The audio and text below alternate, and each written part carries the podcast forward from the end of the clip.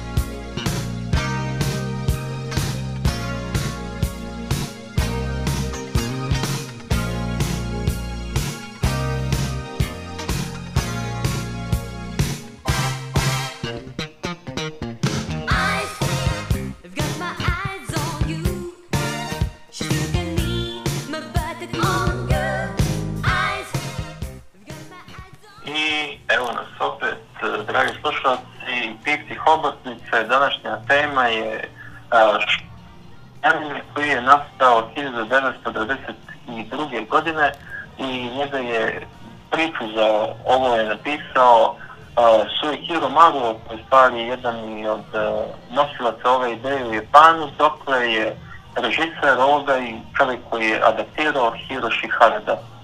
Da, mislim da je dosta nesvagadješna produkcija, e, prvo tačno što si rekao, dakle, to jeste manga adaptacija Suihira Marue. E, međutim, način na koji je anime nastao je dosta čudan. Dakle, prvenstveno e, pričamo o jednoj totalnoj neprofitabilnoj produkciji. Prvo je uh, razlog jeste što je ovaj režiser Hiroshi Harada je bio dosta rež, ovaj, rezigniran što tiče eh, načina na koji anime industrija funkcioniše i tako dalje. Eh, htio je da pokrene neku nezavisnu uh, malu produkciju i onda je to i odlučio da uradi i napravio jednu seriju kratkih filmova, mislim da ima oko četiri kratkih filmova i tako dalje, koji su uglavnom vezani za neku horror tematiku i koji su ovako, koje je on praktično sam napravio u, u svakom smislu, dakle sam je animirao, sam je scenariju napisao, sam je bio producent, sam je bio režiser. Uh, I to je ono što ovako privlači malo pažnje što ga tiče jednom dilu o, ovaj, ovaj ovog anime.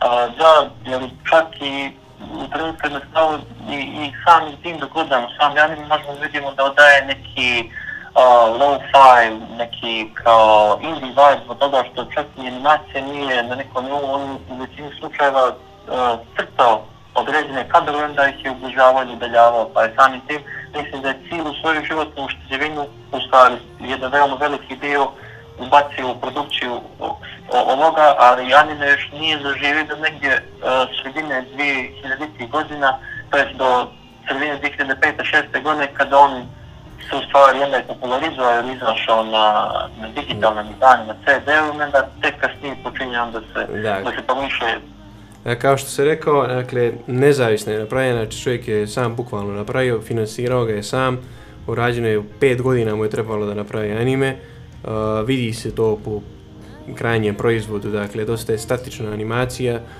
jako nepokretna u poređenju posebno s drugim nekim produkcijama, međutim, to je za očekivati, čovjek je sam, sam sobstveno ovaj, napravio anime, Uh, mislim da je za poređenje, postoji jedan drugi anime film, sad se zapravio koji zove režiser, čovjek koji je pravio mangu, meha, mangu, godinama odlučio da napravi a, a, meha anime film rađen po toj mangi, trebalo mi prilika oko nekih 30 godina. tako da je ovaj period za 5 godina zapravo jako dobar. Jedino muziku nije pravio sam, kao mislim da je i crtanje i fotografiju i tako neke stvari je radio a, drugi produkcijski tim, međutim to je minorni izdatak u poređenju sa što je on uradio. Upravo si toga e, tiče koliko low-fi i nisko budžetno izgleda film. A, ima čak jedna scena gdje su, a, notorna scena gdje su svi prisutni i zvuci pasa očigledno da nisu uh, proizvedeni u nekoj traci, nego da je čovjek sam imitirao zvuke pasa koliko je bio niskobudžetan film. Uh, međutim, što ga tiče, oni segmenti koji jesu animirani, koji je data pažnje, su zapravo jako dobro animirani. Uh, posebno ako se uzmemo obzir da je zapravo to čovjek sam se opet radio što mora se uzeti obzir kad se ocjenjuje ili ovaj proizvod koji je ne svaki dešan po svojoj produkciji. Uh, da, ali možda bi se mogli vratiti jer sam anime i tematike njegove veoma specifične, naime djevojčica koja je stala, koja je ostala kao siroče, čija je majka preminula i u trenutku kad se to dešava gdje se vjerno upoznajete sa samom tematikom gdje je ono pacovi izlazi i i njeno mrtvo u stvari mrtvo tijelo, to onaj moment kad vas odmah na, na trenutak prepadne anime i od toga momenta samo ide kao nekom uzlazno putanje, ovo što se tiče kao nekih kripi. Točnije, nizlazna putanja, a, ali jeste, dakle, mnogo, mnogo čudan, a, užasan, a, ne znam, pravi horor filma, a, u svakom smislu te riječi. Dakle, prva scena jeste, jedno prvih scena jeste kako a, djevojku, kako djevojka prodaje kamil, kamilicu ili tako, ne znam, nek neku biljku, dođe kući kao majci uh, i pokušava majku ili nešto kao da komunicira s njom, onda shvati da jedu pacovi. Naravno, zbog toga što je ovo jedan specifični žanr, uh, pacovi također izjedaju i njen ovaj polni organ. Uh, dosta, dosta bizarna scena i onda nastaje sve tako jedan niz bizarnih scena, to dosta toga duguje uh, tom nekom žanru eroguro o kojoj ćemo jeli, kasnije pričati. Da, pa da, kad smo se i već sad dotakli toga Euroguru žanira, možda bi se mogli vratiti i na neki malo raniji period, to jest to je u jednom trenutku izašli iz nekih ukio je, to jest na njihova crtanje, mura, crtanje kao murala na drugim panelima, jedan specifičan vid toga koji se zove šunga, što je stvari kao neka evropska umjetnost i muzan e, koji je u stvari kao neki, a, kako bi to preo, kao krvavi printovi i s toga kombinacijom ta dva, ta dva dijela smo dobili, smo dobili Euroguru. Pa da, ne... Nastaje u nekom periodu isto u trenutku kad nastaje i njemački ekspresionizam, pa možemo i možda povući neku paralelu između ta dva pravca. Ja ne bih mogao, a, mogu da kažem sljedeće, znači mogu da kažem neke najosnovnije stvari. A, ero guro, dakle ero je, a, to je žanar koji pripada ovom filmu, ero znači erotika, guro znači groteskno, a, jeste u pravu si negdje nastao u tom periodu ranog 20. vijeka. A, mnogi prepisuju činjenici znači, nastanak ovog žanara a, bog toga što su oni u to neko smislu htjeli da se bore sa alienacijom koja je nastala u rano 20. vijeku u Japanu kao posljedica dalje urbanizacije i, i industrializacije društva. Uh, ono što jeste, znači kombinatorika ta samo u nazivu se vidi erotika i groteskno, Dakle, to je neka forma uh, seksualnog horora u nekom smislu, može se reći. Dakle, u istom smislu, uh, ne samo da je neke stvari groteskne, koje su uglavnom vezuju za neki tjelesni horor, nego su isto, istovremeno erotične. E sad, uh, taj poseban aspekt, kao što se rekao, nastaje kao odgovor na alienaciju u rano 20. Uh, vijeku. U tom smislu, ono što ono treba da pruži tom gledalcu, uh, jeste komfort njoj može da uživa u ekstremnim aspektima modernosti sa nesigurne distance, dakle, kroz doživljavanje literature, filma, muzike i tako dalje, može da se proživi neko iskustvo uh, uh, ekstremnosti moderne. Uh, da, i kad smo ko same te moderne, na primjer, i dan, dan nas kao u Japanu možemo da vidimo neke čudnije tipu fetiša, pa e, nešto kad mi je stalo na pameti iz filma, ima na scena u trenutku gdje uh, muškarac kliža na ženi oku u nome cirkusu. To možemo čak i da idemo, to možemo čak i da idemo u, u u radovima onog legendarnog umjetnika Suihiro Maro, koji isto ima na njemu poznati, poznati crtež iz mange, gdje onaj vojnik liže djevojci oči dok je cipa, dok je cipa, Da, da, dok je ali- cipa lice. Da, ali ono, senzibilnost između nekih žanrovskih radova je dosta varira. Dakle, Suihiro, Suihiro Maro kao i, ovo- i ovo dijelo i ovaj anime je zapravo relativno uh, blag u tom smislu. Dakle, u poređenju jer ima nekih tu umjetnika koji su mnogo, mnogo, mnogo brutalni. Ovdje je im, bilo nekoliko instanci silovanja, ako sjećaš. Međutim, oni... sjećaš. A, međutim, nikad nisu bili puni grafički prikazi tih dijela.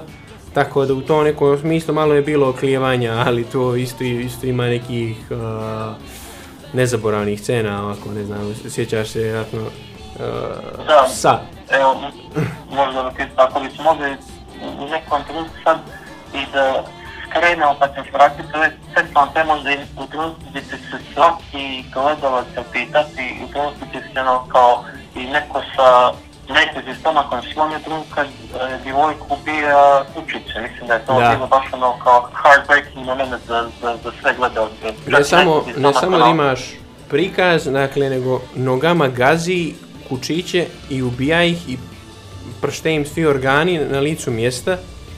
I to je sve grafički prikazano i to je najbolje animirani dio filma. A, I onda naprave hranu od toga i čeraju da je jede. Dakle, da dosta, dosta, dosta, dosta ekstreman prikaz nasilja. je. Da, ali ovaj, neki čak, ču, čak sam dolazio i u susret da čitam neke članke koji bi možda povezali i ovakav rad ili sličnu stilistiku Eurogura sa onim David Cronenbergom, Da. uh, kanetskim režiserom, Da, da, da. koji se isto bavio sa, sa sličnom nekom tematikom. Da, sl- slična tematika u smislu što je glavna preokupacija bila uh, uh, Cronenberga jeste taj tjelesni horor, taj body horror kako se kaže. Dakle, ja ovdje isto i kod Marua i kod ovoga Hiroshi Harade glavna fascinacija jeste na deformitetima tijela. Što tiče nekih drugih zapadnih filmova koji se mogu povezati s ovim, a, najbliže ja mislim, a, Freaks, Todd Browninga iz 1920-ih. Uh, također isto, dakle, slična priča kao što je u ovom filmu uh, priča o siromašnoj curi koja je odvedena u, u neki cirkus uh, koji je pun, prepun nekih frikova i tako dalje. Slična situacija uh, i sa frikovima ovoga Todda Browninga i gdje se opet bave nekim uh, normalnim ljudima koji su okruženi s nekim frikovima.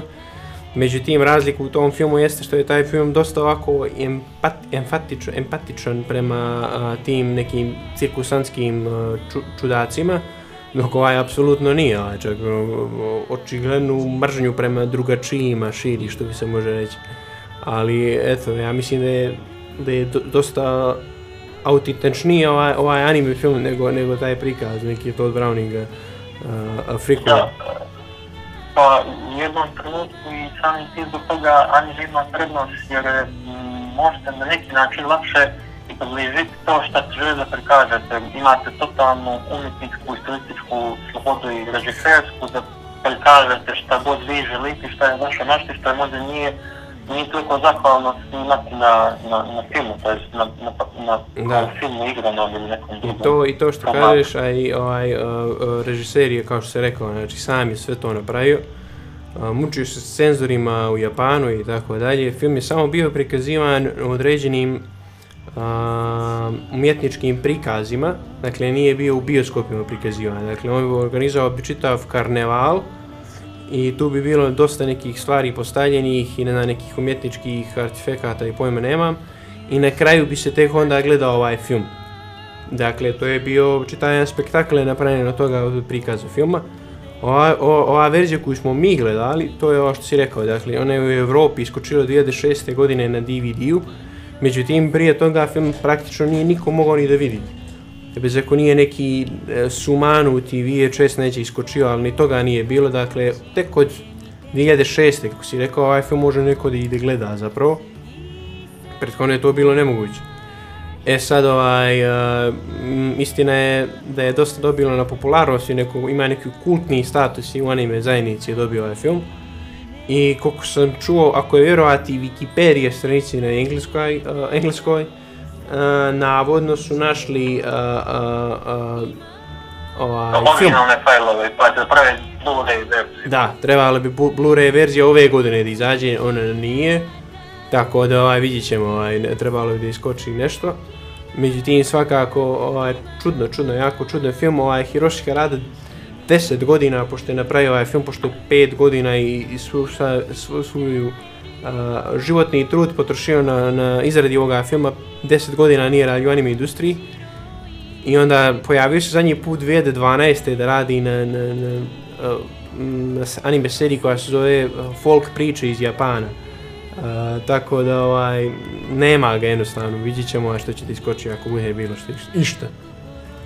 Da, je, čak mislim da u jednom trenutku mogu se povući neka parola između toga što je radio kao u zadnjoj epizodi, u zadnjoj sekvenci filma gdje se dešava kad naj Manđaničar radi ono njegovu kao iluziju gdje se prave totalne deformacije, da i, i tih momenta ima čak i meni možda ta animacija bila i najbolja i najgrotesknija što se tiče u cijelom animu posle onoga sa kućecima, mislim cijeli anime mnogo, mnogo čudan sam po sebi, ali scena na kraju koja se dešava, je pred kraj gdje se dešava neka kombinacija, po meni to može bio pik toga, to se isto vidi da se, da se desilo u jednom njegovom isto, je u jednoj seriji koju on doživio. Da, mislim, znaš, znaš da je film, da se film bavi očajno, ne znam, da je film depresivan, kad trenutak kad dođe patuljak, mađoničar je zapravo pozitivan trenutak u, u, u, u, ovaj, u, u, u filmu.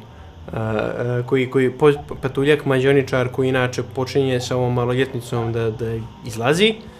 Uh, to je to je dobra scena to je to je dobro optimističan trenutak i onda znaš da je, da je film težak u najmanju ruku liči. To je baš dobra scena. Ima neki ljudi koji su služili. Ovaj Jeffrey Epstein. ali A, da, ali zanimljivo je za, za sve te prikaze zapravo. A, to smo već mo, a, govorili o nekoj a, povezanosti sa, sa nekim zapadnim filmovima. U tim nekim cenama koje se javlja taj međoničar, tu mi najviše, ovaj, ne znam, to, to je e, neka uh, nadrealna avangarda zapravo. Tu već počinja malo da se mijenja žanar. uh, e, veći je fokus nije bio na samo nasilju, nego nekim možda nekim nadrealnim mađo, magijskim aspektima i to je jedan uh, prezentacijono možda najzanimljiviji video jer uh, ne je samo da je dobro animiran nego uh, režiserski je dosta kompletan rekao bi. Uh, i onda tu ima niz scena koje ovako izazivaju dosta nekih um, čudnovatne emocije nadrealne to bi možda ne znam sa neka paralela dosta osnovna sa Lynchom možda ne bih rekao u potpunosti ali donekle ima neke karakteristike. I to je onako naj, najupečljiviji dio filma možda ovako stilistički. Međutim, ovi, ovi uh, brutalni dijelovi prethodni, e, ovako, oni su popularni, što ja mislim su postali popularni gifovi na internetu da se mogu naći ovih scena, posebno sa kučićima i tako dalje. E, ali eto, uh, mangu ne znam, misli li čitao, jesi li se bavio njom? Mangu sam, mangu sam dilom dotakao, ali sam, šta sam mogao da vidim da u jednom trenutku, pa, pa neka je možda najkrucijalnija razlika između manga, anime, što mangi toliko se nije posvetilo pažnje na stavim cirkusantima kao što je on posvetio pažnje namjenu da oni možda nije sliko nosirati zla, nego da su nekom trenutku samo tu kao neki ljudi koji su dijelili u tome, gdje je mangi to možda malo drugačije bilo prikazano, ali to je možda režiser u tome trenutku iskazao šta želi da postigne sa tim. Da, možda je možda jedino velika razlika je ta u nekim grafičkim prikazima, znači mislim da je ovaj original, mislim manga je bila dosta dosta eksplicitnija. A, ovaj ma, no, malo manje, čak su malo više oklijevali. A, mislim da je najupečitljiviji od toga što je onako obezbijedilo a, ovaj, da, da postane ovaj kultni hit ovaj anime, nije samo ta na, priroda nasilja, nije samo nasilje per se, što ću da kažem, nego zapravo i priroda nasilja. A to je to seksualno nasilje koje se to ističe ili kao eroguro žanar. I, i e, zapravo činjenica, ne znam, da je ona više puta silovana i tako da je, ja mislim čak više upočetljivija nego ova priroda da jede pse i tako da je. Uh, e, meni u jednom trenutku seksualno nasilje, pa to, to je bilo i taj neki moment koji specifikan za mene, znači, to što pričao seksualno nasilje, da nije nije pokušano da se, da se pokaže kao nešto što bi se kao ne neka erotika koja bi vas nadražila, znači nije Da. ta neka estetika erotika je totalno bila, ne nedostavila je to, čak i ono što mi se jer iskorištena je samo da bi se po- pokazala groteska, a ne da bi se pokazalo neko kao da, to, body to, pleasure ili, ili nečiji fetiši koji bi se mogli ukazati, već samo da se iskaže groteska na naš način, što mislim da je baš bilo fenomenalno da se, Pa- da se takav video, da se činovi iskorištavaju u tu svrhu. Pa to je zanimljivo ovako u poređenju sa nekim ranijim prikazima ovoga, kad smo pominjali Eroguro žanr. A, de- rekli smo da je nastali početkom 20. vijeka i baš kad 1920. godina je bila velika diskusija u okviru Japana. A, u- kaže velika diskusija, kažem diskusija samo je u okviru nekih elitnih krugova, ne treba misliti da je međunarodno bila ta diskusija u okviru a, nedostatka nekih uh, filmskih zvijezda u Japanu poređenju sa zapadom i možda se tamo isticalo a, taj neki karakter a, a, ženskih glumaca koje su Uh, koje su m, te, u zapadnom prikazu uvijek kako se isticale ne seksualno nego su a, a, djelovale kao da su iznad masa, kao da su nešto nadvišene i tako dalje. Međutim, kao odgovor na to praktično je a, nastao Eroguro, koji, uh, koji ne da ne prikazuje ženu kao neku nadvišenu silu ili tako nešto, nego zapravo je degradira donekle, to je staje pod kontrolu nekih želja. Uh, ona nije pregazana kao neko ko je, ili kao neko ko je distanciran od samog gledalca tako dalje, nego ona postaje direktno objekat sami gledalaca. I to je prisutno i u ovome filmu, jel tako? Znači, on je žena u fokusu koja preživljava negore vrste nasilja, E sad je pitanje um, da li je to, da li se toga pravi spektakl ili je to, uh, treba da bude prikaz uh, kao ekstremni, kao što se prije, reko, prije rekao, nekih uh, ekstremnih aspekata modernog života, uključujući ili nasilju možda u porodici ili tako dalje.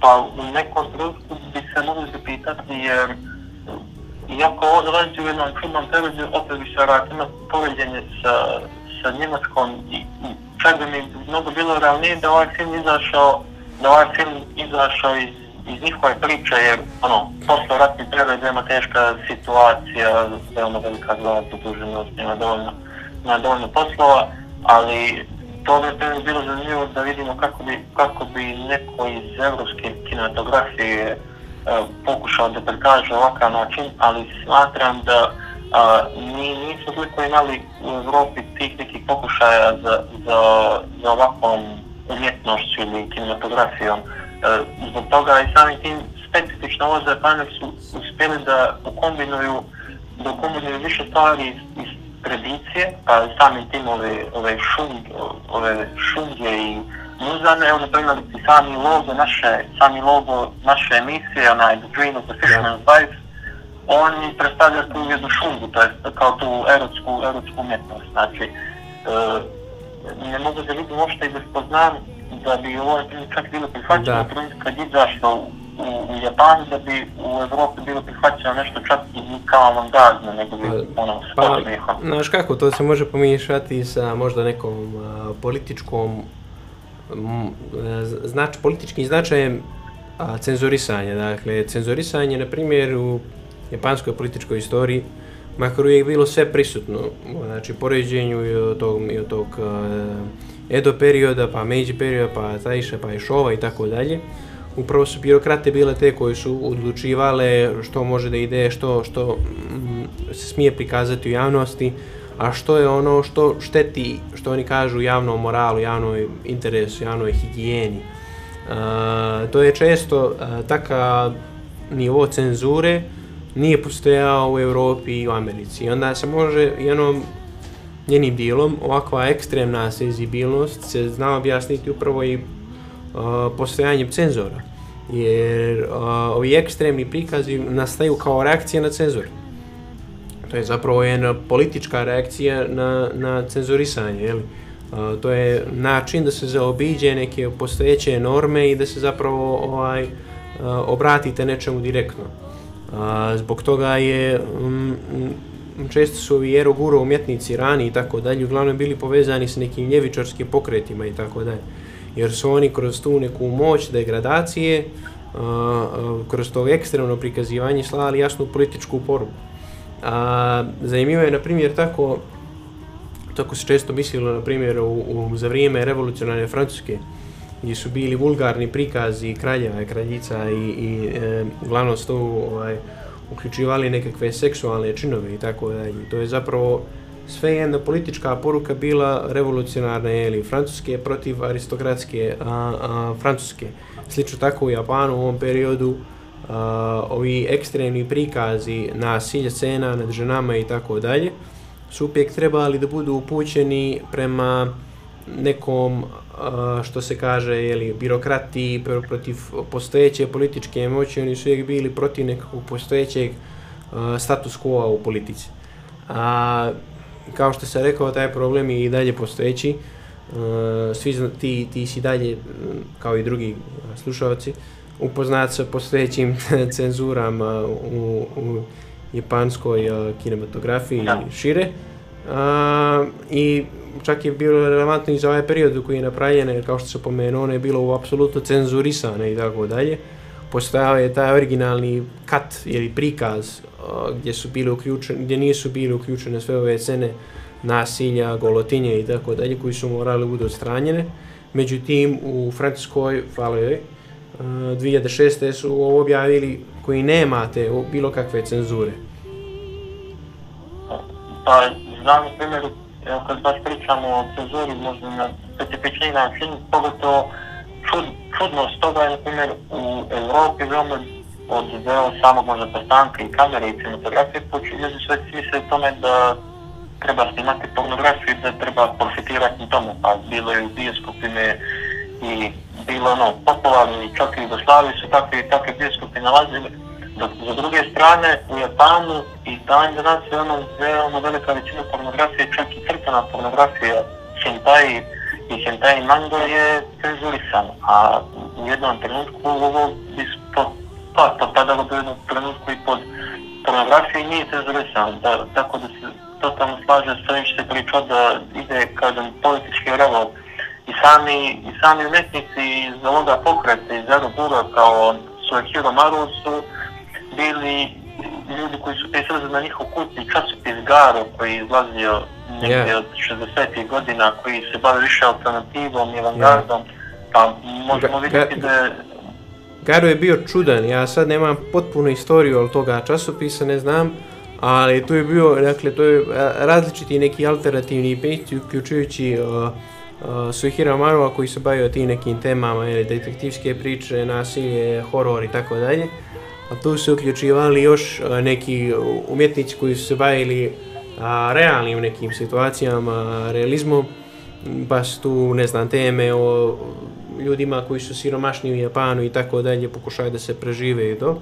Međutim, jedan veliki dio su zauzimali ljudi koji su, a, a, a, a, što se kaže, pravili fantaziju za srednjovečne muškarce. A, Golgo 13, ako znaš, na primjer, staru mangu, koja je, a mislim, najstarija publikovana, publikovani strip svih vremena, ja vjerujem. A, dakle, to je kao, pf, ne znam, James Bond ako ti nije dovoljno infantilan.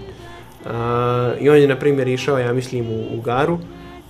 Dakle, to je, to je jedna manga, jedan anime ima i tako dalje, o čovjeku profesionalnim ubici koji je a, najbolji čovjek svih vremena uh, najjači ubica, ljubavnik, borac, sve što možeš da zamisliš, totalno hladnokrvan, kao panišer, ali bez ikakve ironije, ako možeš da zamisliš tako bi. Kao on... tradicionalni crnogorac 19. vijeka. Uh, kako si rekao, izvini? Kao tradicionalni crnogorac 19. vijeka. Je, e, je, prilike, tako nešto, dakle, to je fantazija bila za srednjovečne muškarce.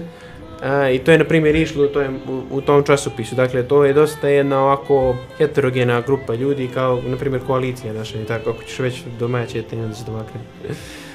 E, dosta različita, a Suhiro Maru je pisao upijek jednom specifičnom periodu, on je Um, već sam pomenuo uslove koji su uslovili, uslove koji su doveli do, do, do razvoja Rogura, Uh, mi ako pogledamo poslije ratni period, ti neki razlici dalje nisu makli, dakle da imate unaprijeđenu urbanizaciju društva i tako dalje, neki pomet, nadrealni aspekti u, u realnom svijetu, tako da on imao svoju popularnost duguje upravo tome, međutim, upravo toga što on donekle malo blaži, on je donekle malo respektabilniji, on je bio objavljivan u Americi jako, jako rano, dakle već 80. godina što je tamo dosta ovako napredno. Uh, ali eto, ova manga nikako, ovaj anime, znači ova adaptacija koju trenutno pričamo, nije imala nekakav, uh, uh, nije se respektibilno probilo u neke umjetničke vode i tako dalje, međutim ostale je na tu nekim marginama, ali je dobila tu jedan kultni status koji uživala i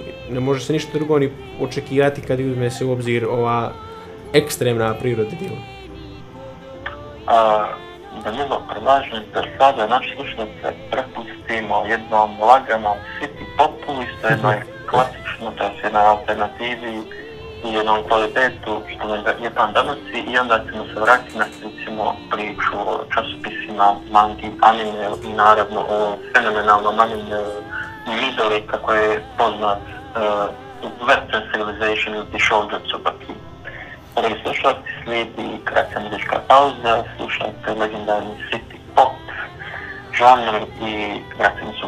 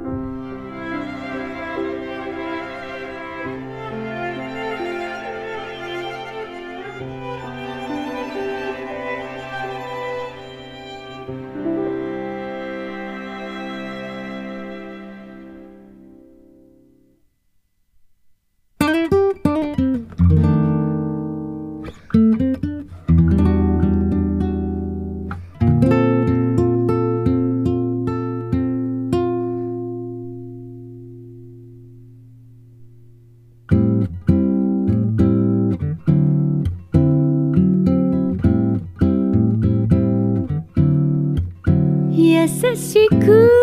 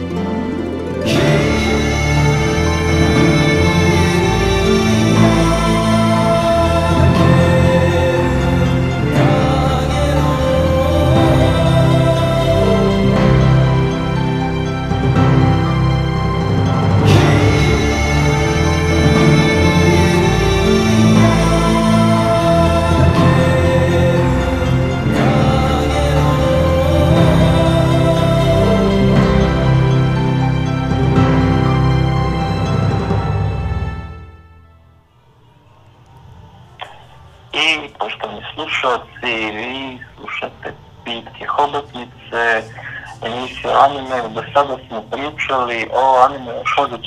sve vas koji ste se uključili. E, naime, sad bi se možda možda popričamo samo kao režiserskom dijelu kojeg smo se dotakli u jednom trenutku. E, od početka anime ide uzaznom putanjom i po meni možda čak i može biti spojenuti, možda malo da popričamo gdje nije klasična animacija, da se pojavljuju kao printovi, samo kao slike preko kojih on prolazi gdje se, gdje se on nekim katovima ili prvacima sa na kadru kao objašnjava nam kakva će prilike da bude priča i sa pjesmom koja je isto onako malo creepy ili čudna.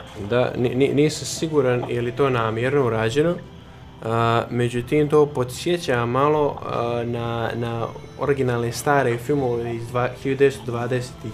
Imaš one tip, titlove koji ti objašnjavaju sve što se dešava i tako dalje, tako da mislim da je to nenamjerni omaž, a je je nastalo iz činjenice da je on htio da Eh, uh, adaptira na čitav materijal u kratki period, dakle neki 50 minuta, a, i da to sve spoji zajedno i da to ima nekog smisla i onda je najlakše to bilo uraditi kroz ove titlove ili koji se javljaju na neke trenutke koji ti objašnjavaju situaciju. A, međutim, eto, kao što se rekao, da posjećam malo na te neke filme iz 1920-ih, A, I posebno na taj koji, film koji se pomenuo, Freaks, koji ja mislim najbliži film ovome koji se može uporediti, to je Browning iz 1920. godine. Ovaj, u, u jednom trenutku, mislim, to je podijeljeno u tri kao na dila, kao, mislim da je svetanje sveta u pitanju bilo, ili first flower, second flower. Ja, ima poglavlje kao. Tako, da, uh, u, pa u nekom, u nekom trenutku barem to je neki moj staj, kad sam gledao film, nisam, nisam mogao da nađem neku koherentnu strukturu, jer to je radio, sam imao neku linearnu not, nije napredovalo, samo se ponavlja repeticije, postavilo je sve kao gore i gore i teže i teže, ali onda jednom trenutku dođe kao razrešenje, trenutno se pojavljuje mađeničar, i to je veoma ono kao, kao interesantno mađeničar sa vesterinatskim kao trikovima i onda oni kao objašnjavaju istoriju za toga. Uh, Da, što tiče strukture, ovo što si rekao, što nema neku uh, kulminaciju, što se kaže, što nema neku strukturu, uh, pa znaš kako originalna priča, pošto ovo izgleda folk priča, po, popularna, originalno bila, i adaptirana u manga oblik, dakle, to je originalno bilo u 19. vijeku folk priča, to je onaj format uh, Midori, djevojčice, djevojčice koja prodaje kamelije, i onda koja onda čija, čija siromašna majka onda čera je bukvalno da pođe u cirkus. Uh, i onda je to bilo prerađeno u mangu u specifično Mero Guro formatu Suihira Marue. I onda donekle taj neki nedostatak strukture posjeća ili na, na donekle posjeća neke folk priče uh, na bajke i tako dalje gdje imaš uh, repeticiju stalno i tako dalje light motiva, konačno se strukture ne izgleda da se uh, ne postoji specifična struktura, jel te, to je samo usmeno neko predanje uh, i onda donekle te neke smisličnosti se mogu objasniti tim, na primjer.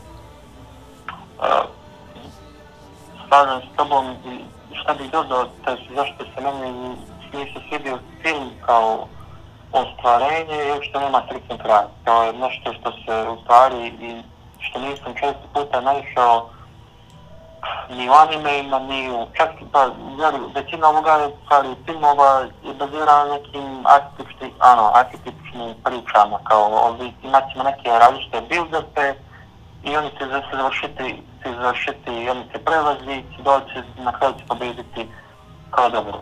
U slučaju ovoga dešava se suprotno. Mislim, čak nema ni puno filmova koji imaju, kao da ima, nemaš happy ending, ono kao cijela priča je bila nesrećna i ona, i on te hrani s kao on ide i, i dobro i kao napreduje i ima to nekih problema, ali on ih rešava nosu i na kraju, na kraju nije happy ending. To je ono što me je kupilo, kao sama kulminacija toga da se ne završi dobro, to ono stvari što mu, što mu daje Da, mu daje i, i ovaj, mada u nekim dijelovima filma teško je meni bilo odrediti šta se tačno dešava, da, kako treba da se osjećaju povodom nekih stvari.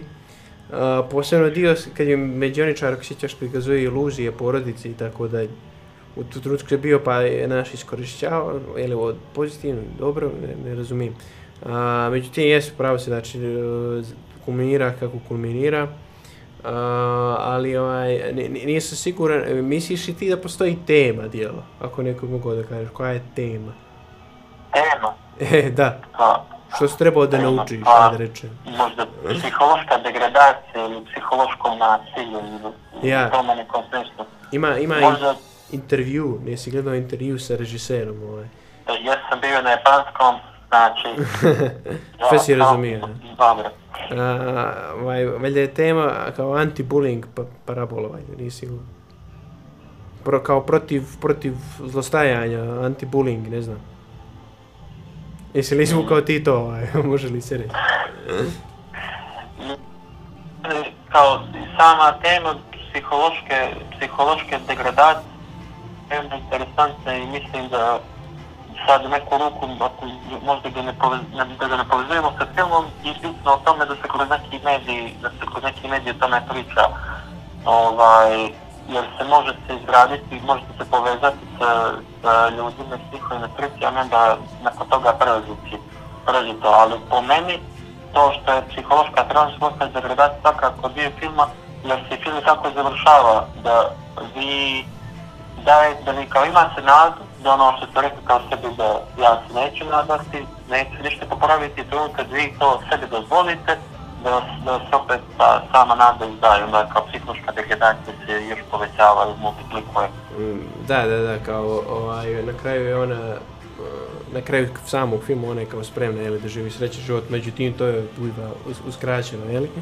Uh, ali ovaj, ne znam, meni je to ta neka tema neka koju smo ispričali, dosta zanimljiva, jer nisam siguran da mogu da, da, da, da izvučem baš neku poentu per se. Međutim, isto, isto vremeno ovaj, mora se odati jeli, respekt samom filmu. A, ne samo a, možda tema nije tu, ali svakako činjeni se da je, da je čovjek sam sebi napravio čitav film i ono nečuveno je. A, a, a, postoji od anime režisera postoji samo jedan sličan donekle, a to je ovaj Makoto Shinkai, koji je sam svoje filmove rane, e, uh, 20 minutne i tako dalje, isto sam režirao, sam animirao i sam sve, to, i sve to uradio, međutim on je radio pomoću digitalnih nekih sredstava, pa mu je donekle bilo lakše. A ovaj, ovaj nije, ali eto. Um, um, muziku inače, muzika inače koja je onako um, koja se, o, to nije radio, to već znamo. Ako si ikad gledao, ako si ikad gledao anime uh, Revolutionary Girl Utena, a, isti je kompozitor, mislim da zove JF Cezar, tako nešto, nisam siguran. A, znači, to je Revolutionary Girl Utena, ima baš ovaj dobru muziku, impozantna je, popularan, jako soundtrack i tako dalje. A, I dosta se čuje i o ovom filmu nekih čudnih dijelova, posebno kraj filma ima neku čudnu muziku. Međutim, uh, ovaj režiser ne čudi dosta i izbor muzičara, jer koliko izgleda muzičar, koliko sam vidio informacije na internetu, uh, je neku popularnost za svega 60. godina radići u nekom uh, underground alternativnom pozorištu. Uh, tako da je ono neka povezano sa nekim underground alternativnim animeom i nije ili daleko. Da, mislim da on u tome trenutku kao bio popularan među studentima tih 60. godina uh, Takaki Terahara, mislim da je, mislim da se tako zvao, mm. i da je, da je samo, da on nije prije toga nikada radio na anime, da je on bio kao prvi, kao prvo projekt za anime, da se si veoma rijetno učivao yeah. u neka, u neka slična, neka slična ostvarenja. ali meni, na primjer, za razliku od nekih drugih animea, kao što smo i, i pričali da nije, kao na primjer kod Satoshi Kona, ili kod Miyazakija ili kod uh, Makoto Shinkai nije ni toliko prepoznatljiva, nije ni toliko muzika uopšte bilo upečatljiva da bih je zapamtio. Ili nije nešto što me, što me onime kao, kao, ono, kao, aj, super. Da, ali vjerovatno je pravljeno i ne, meni je djelovalo da je bio samo jedan instrument isključen, ta, uključen uzori, to je synthesizer, tako da je ovaj, ratno je bilo i dosta rudimentarnije, ovako nije bilo baš impozantno, muzika, ima smisla ali ne znam, primičuje se po meni. Da, da. Ali no, svakako, mislim, čovjek se realno, se realno, šalim se, ovaj, ne, mislim da su, da su svakako potrudili jer je, jer sam, sami sve producirali, sami tim da vi uložite, da pet godina uložite na jedno dijelo, je, ono, kao, da, veoma, pro, pro, proizvod, proizvod ljubavi, znači, nema, nema druge riječi. Uh, naj, najpoznat, među najpoznatijim jeli, uh, franšizama koja se često i gleda kao neki iskaz uh, uh, pravog autorskog rada na anime, na primjer Gundam Saga, uh, ona je nastala kao proizvod činjenice da su htjeli da prodaju uh, igrački, dakle robot igrački, tako da je, dakle anime je jedan komercijalni medijum, jako je malo, malo, eh, mali broj ovih nekih nekomercijalnih uh, alternativnih dijela, eh, kao ovaj što smo uključili je skoro neviđeno. uh, čak i evo ne znam, neka naj, najteža komercijalni anime, uh, ne znam, ime Evangelion. Evangelion mi je nastao istom uh, TV programu proslije uh, uh, ovoga, Ninja Kornjača. A, tako da je taj neki komercijalni aspekt često neizbježan, međutim ovdje apsolutno nije. Ovaj. I to je kaže, znači uvijek često ovaj light motiv u ovom razgovoru jeste što mora da se poštuje a, produkcije i način na koji je napravljeno ovaj anime, a, s obzirom koliko je nekomercijalno, koliko je neprofitabilan bio. A, ja, ja računam da je čovjek pao u jedan bankrot. Ja ne mogu drugačije da objasnim činjenicu da čovjek Uh, nije bilo 10 godina uh, na izradi anime bez toga da je ili, ili da je upao neke profesionalne probleme ili u neke teže da je imao neke mm, vrste težih problema pa da nije mogao da se posveti ovom radu? Ovaj, mislim da smo sa ovim nekim osprtom zadnjih što se tiče režije i nekog povezivanja zaključili jednu, ne bih mogao reći da smo sve rekli o, o anime, o manga, ali mislim da smo dali jedan baš dobar prikaz i komparaciju. O, sada bi se mogli, imamo još jednu kraću muzičku pauzu i zadnjih 10 minuta emisije ćemo pričati nekim trenutnim stvarenjima, šta trenutno čitamo, šta bi se preporučili i šta ćemo u budućnosti raditi. I do kraja emisije ćemo slušati City Pop, kreće jedna kraća muzička pauza i vraćamo se uskoro.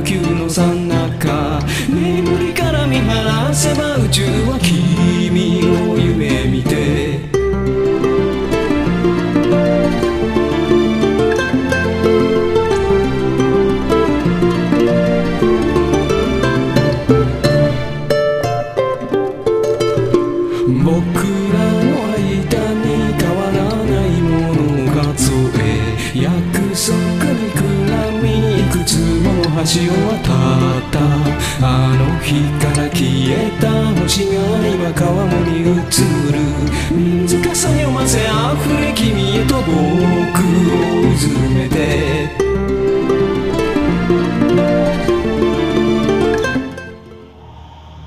I evo nas, poštovani slušalci, ušli smo zadnjih 10 minuta naše najbolje radio emisije Pivci Hobotnice. Do sada smo pričali o na ajeno veoma čudnom animeu Shoujo Tsubaki, a sada ćemo preći na nešto trenutno, modernije. Danilo, šta ti trenutno gledaš, čitaš? Uh, ja bi se, uh, ja bi anime? se osvrnuo, ako bi mogao, na, na uspjeh u bioskopima u Japanu, uh, Demon Slayer. Uh, dakle, nastavak uh, hit animea Demon Slayer prije godinu dana, ja mislim da je izašao, ako sam u pravu, ili tako, misliš prije godinu. Uh, ogroman, ogroman uspjeh, dakle, bez presedana. Uh, po nekim projekcijama, znači prvo u okviru ih tri dana, znači petak, subota, nedjelje zarađeno oko, ja mislim, 43 miliona uh, dolara, dakle, ogromna svota novca, nečuveno. Uh, najbliže, ja mislim, tome je Harry Potter, ja mislim, film uh, Goblet of Fire, koji je zaradio nekih 30 miliona bio u tom periodu tamo. I prepostavlja se neke projekcije da će za 13 dana moći da zaradi oko 100 miliona dolara, što je također ovaj nečuveno, znači tu će tu pobidio rekorde u tom smislu ovaj Howl's Moving Castle.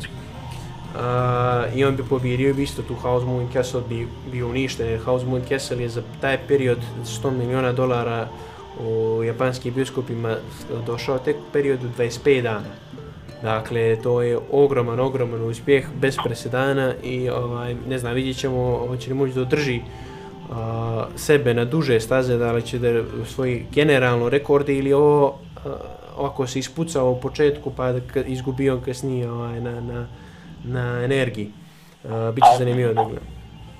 Misliš da je zazak na, na, na tržištu, da je, mislim da je čak popularan u Americi, koliko se sjećam da, da Po, imaju... popularan je u Americi, međutim, mi, ni blizu normalno. Uh, ako će neki tržišta da se zaradi, vjerojatno će to biti ova azijska tržišta. Uh, mada on je toliko popularan u Japanu, sad se čak, čak, čak sprdaju se da je to postao sad, uh, uh, ovaj, kako se kaže, stabilizator, ne znam, ekonomije čitavog Japana. Jer uh, prvi je po prodaji u, u manga, kao manga, znači prva zarađuje ogromno, znači po, neđeno po milijon prim, primjera se, ovih primjeraka se prodaje i tako dalje, tomova je čuda.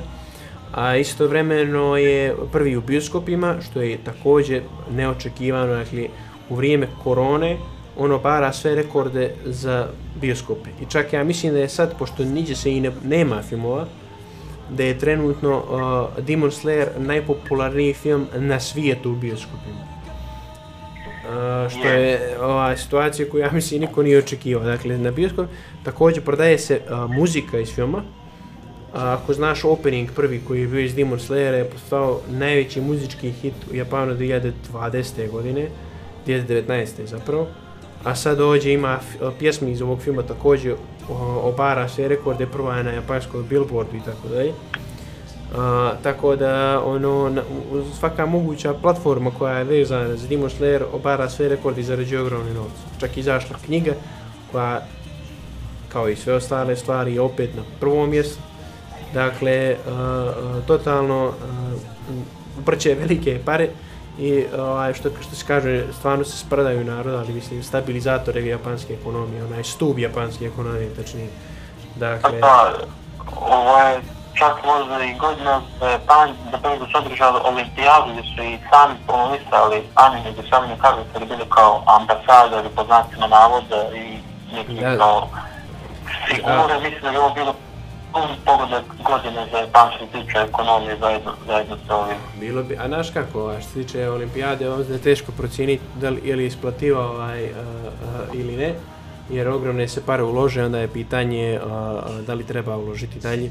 Mislim da je to ovako, sad idemo u neku digresiju, ali aj kad se već pomenuo, da je najprofitabilnija se pokazala gradovima a, koji su a, nerazvijeni, ali koji su bliže nekog stanja razvoja, dakle, to je Tokio 60-ih, to je Seul 80-ih i tako dalje, to su sve gradovi koji su na ivici nekog razvoja, međutim nisu u potpunosti ovaj, razvijeni. A, Barcelona isto prvi put kad su tamo državne olimpijske igre i tako dalje. A sad Tokio je već ono u potpunosti razvijen, sad je pitanje koliko bi nekog benefit donijelo njima olimpijada. Što tiče anime, a, tu su se mnogi producenti zezuli, jer pošto je popularnost jeli, olimpijada, pa su očekivali da će sportski neki anime biti popularno u tom periodu, mnoge produkcije su počete bile sa idejom da produkcija onda tačno pred olimpijadu iskoči anime i da on profitira u odnosu na popularnost uh, olimpijade.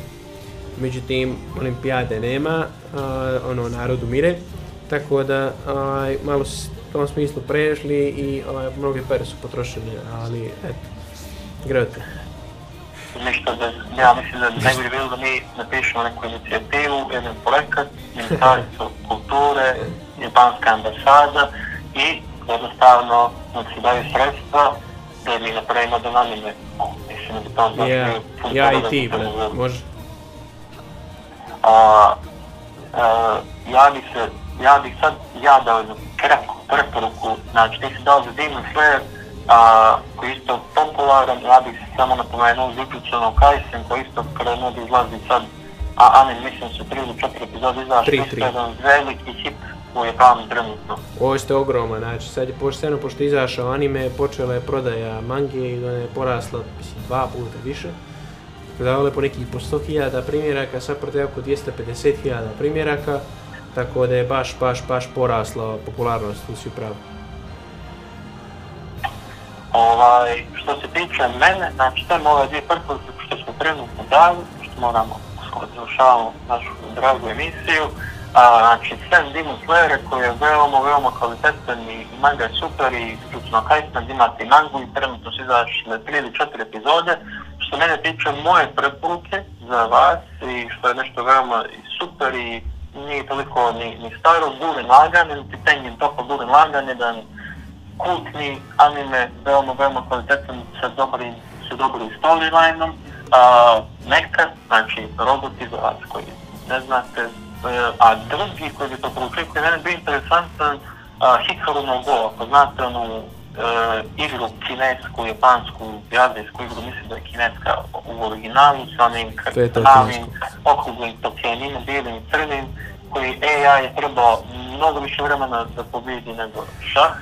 A, preporučio bi to je e, u jednom trenutku veoma interesantno, ne umara puno i možda onako uz neku chill varijantu da, da gledate nije hype toliki za razliku od Gure Laganih ima na build up ono kao a kako je ovo dobro a, to je to bilo to što tiče preporuka da ne da li imaš ti još nešto i da završavamo. Ne, ja mislim da si ti dovoljno rekao što se tiče preporuka, da sve preporučuješ što ima. Dragi slušalci, to je bilo sve za današnju emisiju. Ovo su bili Pitke hobotnice, danas smo govorili o jednom veoma čudnom anime od Shoujo Tsuboki i gledamo se za dvije nedelje na talasima Krš radija. Pratite nas na YouTube stranici Pitke hobotnice, Instagramu, Facebooku, subi se zovem isto Pitke hobotnice, like, share, subscribe i dalje slušajte studentski radio Krš 99 MHz. Pozdrav! チャオチャオ。